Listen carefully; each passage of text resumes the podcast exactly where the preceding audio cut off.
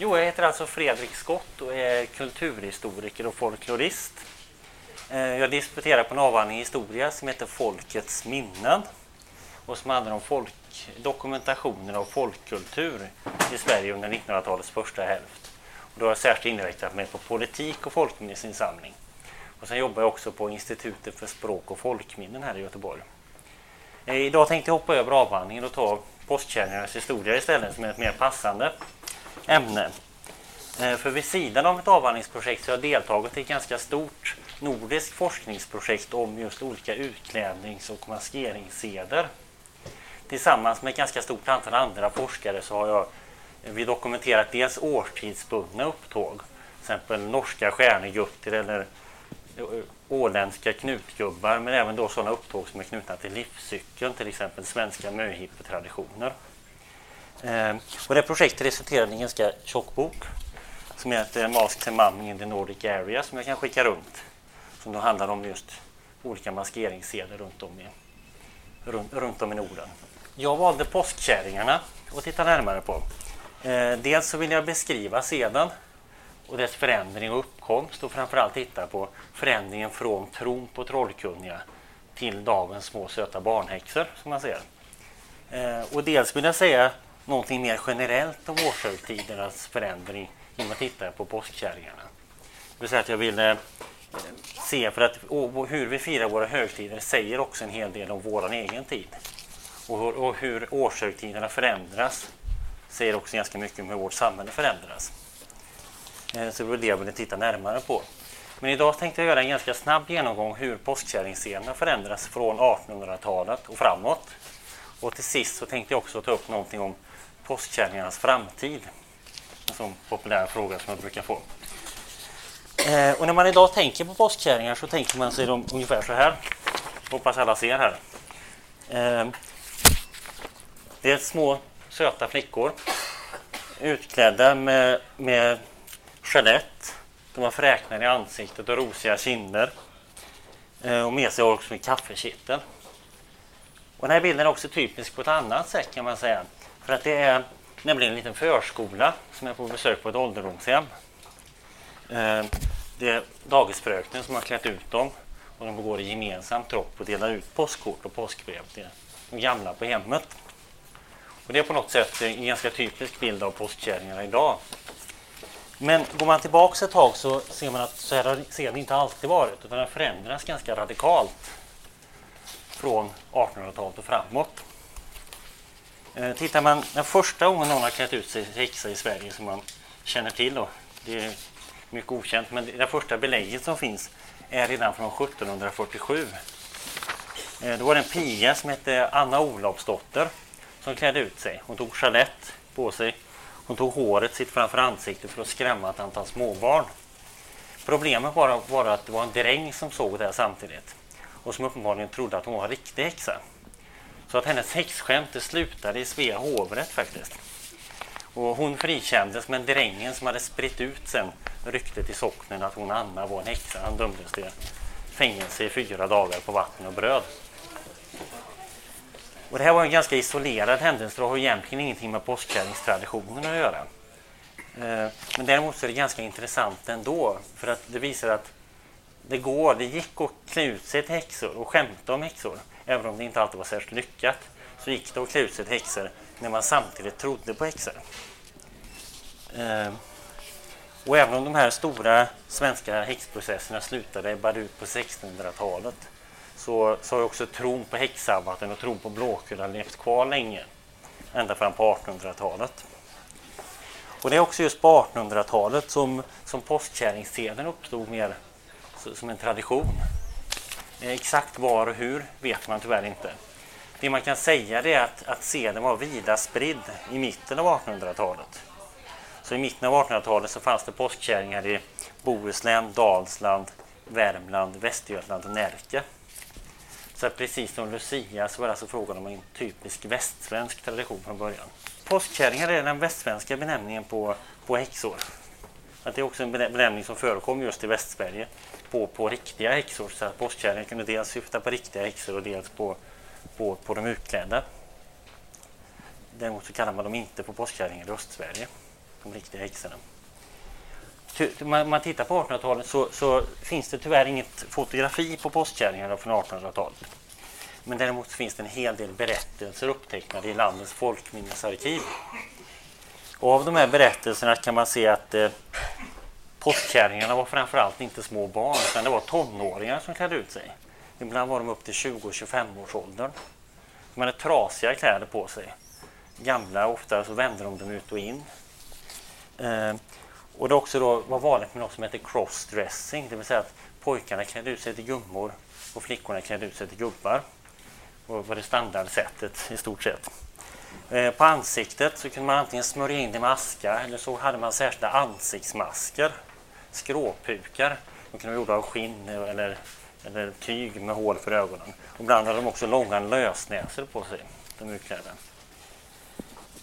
Eh, med sig hade de också de klassiska häxattributen kan man säga. Det finns sopa, raka, och smörjehorn. Sopa, raka, och smörjehorn är det klassiska för häx, häxgrejen. Som att sopan och rakan kunde de flyga med till Blåkulla och i smörjehornet så hade de sin smörja som de ansågs ha fått från djävulen de smörjde sina flygredskap med. De här bar de utklädda häxorna med sig också.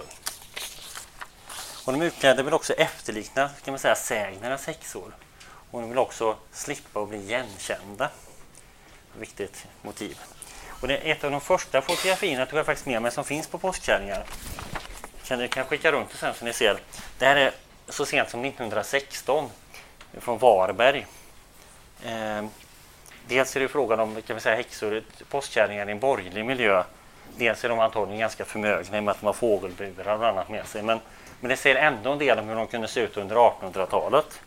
Man ser att de, man kan skicka runt sen, att de har för ansiktena så har de just såna här skråbukar, skråpukar, alltså masker för ansiktet. Och de har också trasiga kläder och man ser inte om det är män eller kvinnor. Så om man tittar just på, på 1800-talets påskkärringar så var de alltså långt ifrån små och söta. Där de försökte se så skräckinjagande ut som möjligt. Även på andra sätt så skilde sig den här påskkärringstraditionen väldigt mycket från hur det är idag. För på 1800-talet så för det första så gick man alltid påskkärring på påskafton, aldrig på skärtorsdagen.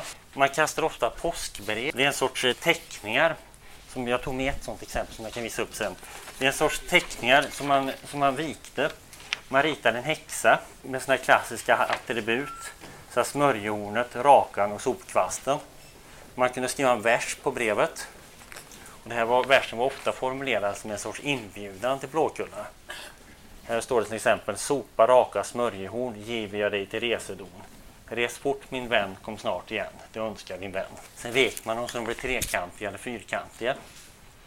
Och de här breven då skulle man överlämna anonymt. Så det man gjorde som postkärring det var att man sprang fram till ett hus, ryckte upp dörren, kastade in brevet och sen slängde igen dörren och sprang så snabbt man kunde. Sen var det att de boende i husen försökte jaga reda, alltså leta reda på postkärringen och sprang efter och sen blev det då en jakt med de boende i huset och postkärringarna. Eh, och det här påskkastandet är ju en ganska oskyldig tradition ändå.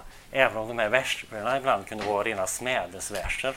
Där man kunde ge uttryck för om man tyckte illa för någon skulle man passa på att skriva det i påskbrevsversen. Eh, men lika vanligt som att kasta påskbrev så kunde också påskkärringarna bara gå omkring i byarna de kunde ställa till diverse hyss. Eh, ofta gick de in i husen, de tiggde ägg eller kanske ännu hellre brännvin från de boende i huset. Som postkärring då så hittar man på en rad olika hyss och de här hyssen finns ganska bra beskrivna i folkminnesarkivens samlingar. Och en av dem som har berättat på en dam som heter Katarina Nilsson som var född 1844. Jag tänkte läsa upp hur hennes berättelse hur det gick till att vara påskkärring då på 1860-talet ungefär.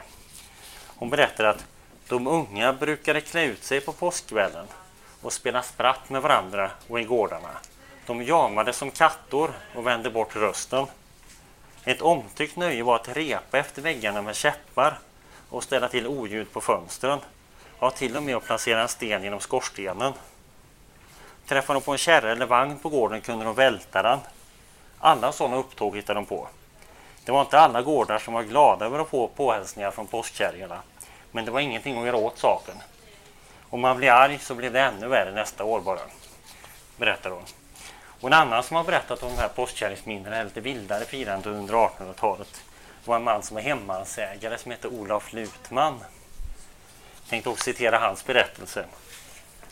Han säger att påskkärringarna klädde ut sig och gick i gårdarna och skrämde folk. Jag minns ett följe som hade klätt ut sig så rysligt. Den ena hade satt horn på knäna och horn på huvudet så att han liknade själva den onde, det vill säga djävulen. Med denna klädsel höll han på att skrämma vettet ur fruntimmer och barn. De var bara ute efter att göra rackartyg, påskkärringarna. Sökte man få tag i dem så sprang de eller slogs med sina kvastar och käppar. Så det var ganska vilt, vild tradition. Och ett omtyckt nöje under påsken var också att försöka jaga rätt på påskkärringarna, avslöja dem eller demaskera dem, ta bort deras masker. Och det finns också jättemycket berättelser om. Och en av de här är en kvinna som heter Maria Nilsson som berättar om hur det gick till på 1860-talet. Hon berättar att fick man tag i någon av de utklädda gav man sig inte med mindre än att man fick se vem det var. Värst var om flickor blev fångade, för då fördes det väldigt skämt med dem. Det var väl gott om de inte rev trasorna av dem. De blev kringkända och kringklämda. Det var en ganska våldsamt tradition. Och överhuvudtaget kan man se den här postkärringstraditionen under 1800-talet som en sorts eh, ska vi säga, mer eller mindre legitim revolt mot vuxenvärlden och mot de vardagliga makthierarkierna. På påskafton var det okej okay för ungdomar att göra saker som annars inte var tillåtet. Till exempel så kunde pojkar klä ut sig i kvinnokläder. Eh, det var okej att smörja fönster med kära. Det var okej att välta vagnar. Eh, det var okej att tigga mat och tigga brännvin. Eh, det var okej att hämnas gamla oförrätter som postkärring. Man kunde särskilt ge sig på någon som hade varit taskig mot en innan på ett annat sätt. Och inte minst var det okej att springa omkring i byarna och skrämmas, klä ut sig till häxor och skrämma både barn och gamla. Och det skedde då i en tid som tron på Blåkulla och häxsabbat fortfarande var vanlig hos en stor del av den svenska befolkningen på landet. Om man tittar på häxprocessen och även i sägen-traditionen så är påskkärringen i, i förbund med djävulen. Att han, han reser till Blåkulla och skriver in sitt, eller hon reser till Blåkulla i regeln och skriver in sitt namn med sitt eget blod i djävulens bok och sen är hon på ett sätt djävulens tjänare. Så att djävulen var ibland en följeslagare även bland de utklädda. Så att säga. Man var någon som klädde ut sig till djävul helt enkelt.